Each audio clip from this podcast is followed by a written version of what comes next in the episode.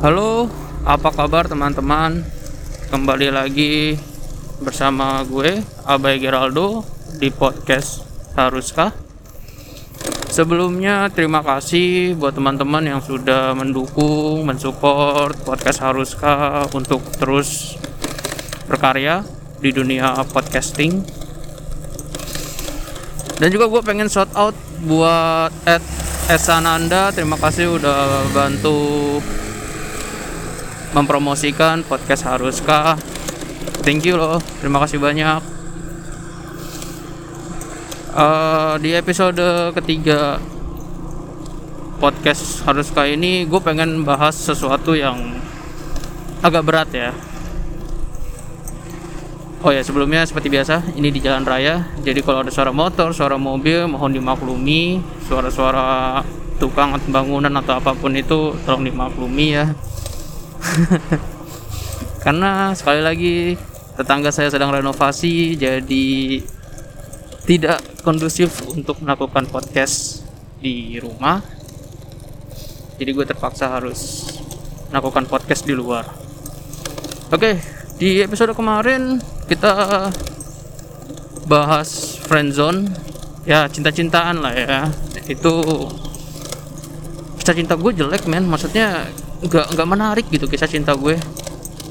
Gue gue bukan tipe pria yang apa ya harus berpacaran gitu loh untuk untuk mengisi waktu luang. Beneran deh gue tuh ya udah nanti aja. Tunggu sampai gue dapet yang tepat jodoh yang tepat orang yang mungkin bisa menikmati keheningan bersama tanpa harus berkomunikasi hanya atau berbincang-bincang hanya untuk suasana aja nikmati suasana itu itu yang gue cari.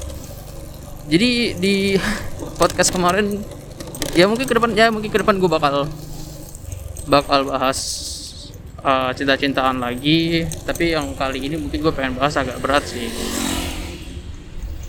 Jadi dibawa relax aja dibawa santai aja tanpa ada uh, by the way uh, gue nggak nggak ada maksud apa-apa di episode ketiga ini dalam dalam melakukan apa namanya ma uh, podcastnya ya. So kita lanjut aja. Mungkin teman-teman di sini pernah atau barangkali uh, pernah baca atau pernah dengar deh dengar dengar ungkapan tanpa dunia Tuhan bukanlah Tuhan. Nah gue ulang sekali lagi ya tanpa dunia Tuhan bukanlah Tuhan. Setuju nggak dengan ungkapan sekali lagi ya tanpa dunia Tuhan bukanlah Tuhan? Kalau lu nanya sama gue pribadi gue setuju. Karena yang menamakan Tuhan itu adalah kita umat manusia. Kalaupun kita mungkin tidak ada di muka bumi ini mungkin tidak ada penamaan itu seperti uh, koreksi gue kalau salah Aristoteles pernah bilang bahwa keberadaan manusia di dunia ini adalah untuk menamai benda-benda. Koreksi gue kalau salah ya teman-teman. Uh, lanjut mengenai tanpa dunia Tuhan bukanlah Tuhan.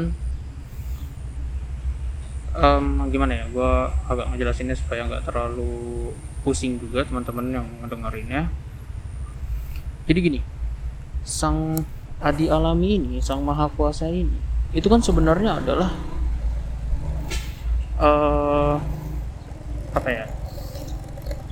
Bisa segalanya lah ya. Gue bilang gue bilang yang maha yang maha kuasa ini ya segala galanya dia bisa melakukan. Setuju dong?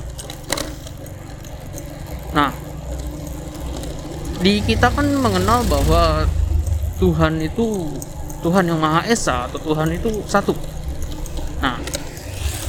seandainya jangan seandainya deh. Atau bisa atau bisakah si yang maha kuasa ini Tuhan ini menggandakan dirinya atau menciptakan? Sekali lagi menggandakan dirinya atau menciptakan yang lebih berkuasa dari dirinya. Kalau lu nanya sama gue jawaban gue pribadi adalah bisa. Yang maha kuasa bisa melakukan segala-galanya. Kalau lu jawab tidak, berarti kontradiksi. berarti dia tidak bermaha kuasa dong tapi sekarang gini uh, satu dan lain hal itu adalah uh, menunjukkan ke, ke maha esaan yang maha kuasa bahwa memang kalau dia mau saat andai kata dia mau tiba-tiba dia menggandakan dirinya dia pasti bisa atau dia menciptakan sesuatu yang lebih berkuasa dari dirinya dia bisa juga. Nah di sini kan yang kita tilik adalah kata Tuhan itu kan. Gue tuh berpendapat bahwa penggunaan kata Tuhan itu sendirinya pada akhirnya itu menjadi suatu uh, pengecilan. Gitu loh kayak kalau kita nggak boleh sebut yang maha kuasa. Wah semuanya dong bisa ya kan? Tapi kalau kita misalkan yang maha tidak kuasa ya berarti kan dia tidak tidak mempunyai kekuasaan tidak kuasa. Nah ini ini pun juga hal yang sama dengan kata Tuhan. Karena menurut gue pribadi bahwa Tuhan itu lebih dari Tuhan. Tuhan itu sendiri lebih di atas penafsiran manusia terhadap per, terhadap kata terhadap kata Tuhan. Itu pendapatku pribadi mengenai Tuhan itu sendiri. Nah balik lagi ke tanpa Tuhan eh, sorry tanpa dunia Tuhan bukanlah Tuhan. Di alam semesta yang sebegitu luasnya sebegitu luar biasanya kita umat manusia berada di planet bumi ini di dunia yang kita tinggali ini masa iya sih gitu loh kita tidak mempercayai kehidupan di luar dari alam kita ini gitu. Kehidupan di luar bumi ini di antariksa pasti ada. Itu menjadi salah satu patokan atau alasan kenapa kita harus mempercayai Tuhan. Mempercayai Tuhan di sini bukan percaya sama Tuhan enggak. Keberadaannya. Loh, kenapa kita harus mempercayai keberadaan Tuhan? Pasti gitu dong. Kenapa kita harus percaya gitu loh. Maksudnya emang manusia nggak bisa apa kita sendiri aja gitu tiba-tiba berdiri gitu. Kalau gue jawab bisa nanti jadi polemik. Nanti jadi ribet. Sebenarnya ada ada ada argumentasi yang mengatakan bahwa kita memang harus uh, sorry kita memang harus uh, membunuh Tuhan. Dalam artian kata bunuhnya itu tidak langsung tidak secara langsung menikam atau menembak atau apa pun itu yang mematikan Tuhannya itu tapi penafsirannya. Ini agak berat lagi tapi ada kita balik lagi ya. Jadi ungkapan itu ungkapan tanpa dunia Tuhan bukanlah Tuhan adalah ungkapan cinta. Dari siapa? Dari GWF Hegel. Uh, menurut gua Hegel ini dibanding dengan filsuf pada masanya yang sangat uh, kritik dalam beragama dia masih bisa dibilang tolerir lah ya tolerir ya. Ya kalau dibandingkan dengan uh, filsuf-filsuf yang lainnya Hegel much better dengan dengan ungkapannya itu tanpa dunia Tuhan bukanlah Tuhan. Dan ini pun menjadi tolak ukur dasar kita sebagai manusia bahwa sejatinya memang ada keberadaan yang di atas kita yang maha kuasa ini dan buat gue ini bisa jadi refleksi ya buat teman-teman juga bahwa sebenarnya di dunia yang fana ini ya, mem ya memang sebenarnya gue juga agak kontra sih. Gue jujur deh gue gue agak kontra sih dikatakan. Kok kok gini ya? Maksud gue gini. Ada surga nih.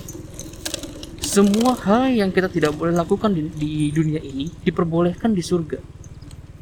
Kayak rewardnya itu adalah sesuatu yang yang kita dilarang gue berpikir uh, apa iya? Maksud gue gitu apa iya masa uh, suatu agama yang ajarannya bisa dibilang baik gitu kan? Itu memperbolehkan apa yang kita tidak tidak diizinkan di dunia justru diizinkan di sana. Jadi loh gue tuh jadi berpikir begini loh gue gue merasa bahwa dari dari dari pengalaman spiritual gue sendiri ya sebenarnya musuh kita ini bukanlah uh, setan ataupun iblis. Dia hanya sebagai seperti alat aja. Sedangkan musuh kita yang sebenar-benarnya musuh kita adalah diri kita sendiri yaitu hawa nafsu. Nafsu. Itu musuh yang lebih besar daripada setan atau iblis. Ya mungkin kita bisa katakan bahwa setan atau iblis menunggangi atau masuk melalui gue lupa kalau nggak salah lewat dan itu menjadikan nafsu dan itu gimana ya? Maksud gue gini kalau memang kita mengikuti ajaran agama kalau kalau kalau ungkapan gue benar ya kalau seandainya itu benar bahwa lawan kita adalah nafsu apakah kita bisa hidup di dunia ini benar-benar without nafsu itu sendiri? Bisa nggak kita hidup tanpa nafsu? Oke cukup sekian dari gue hari ini. Jangan lupa teman-teman. Uh, sorry ada truk. Terima kasih buat yang udah dengerin podcast hari ini. Terima kasih juga buat yang sudah mendukung. Dan jangan lupa teman-teman diikuti. Kita bisa ngobrol-ngobrol lagi lebih jauh. Nanti lewat Instagram bisa di follow at dan cukuplah sampai hari ini jangan terlalu pusing lah kita ya. Terima kasih teman-teman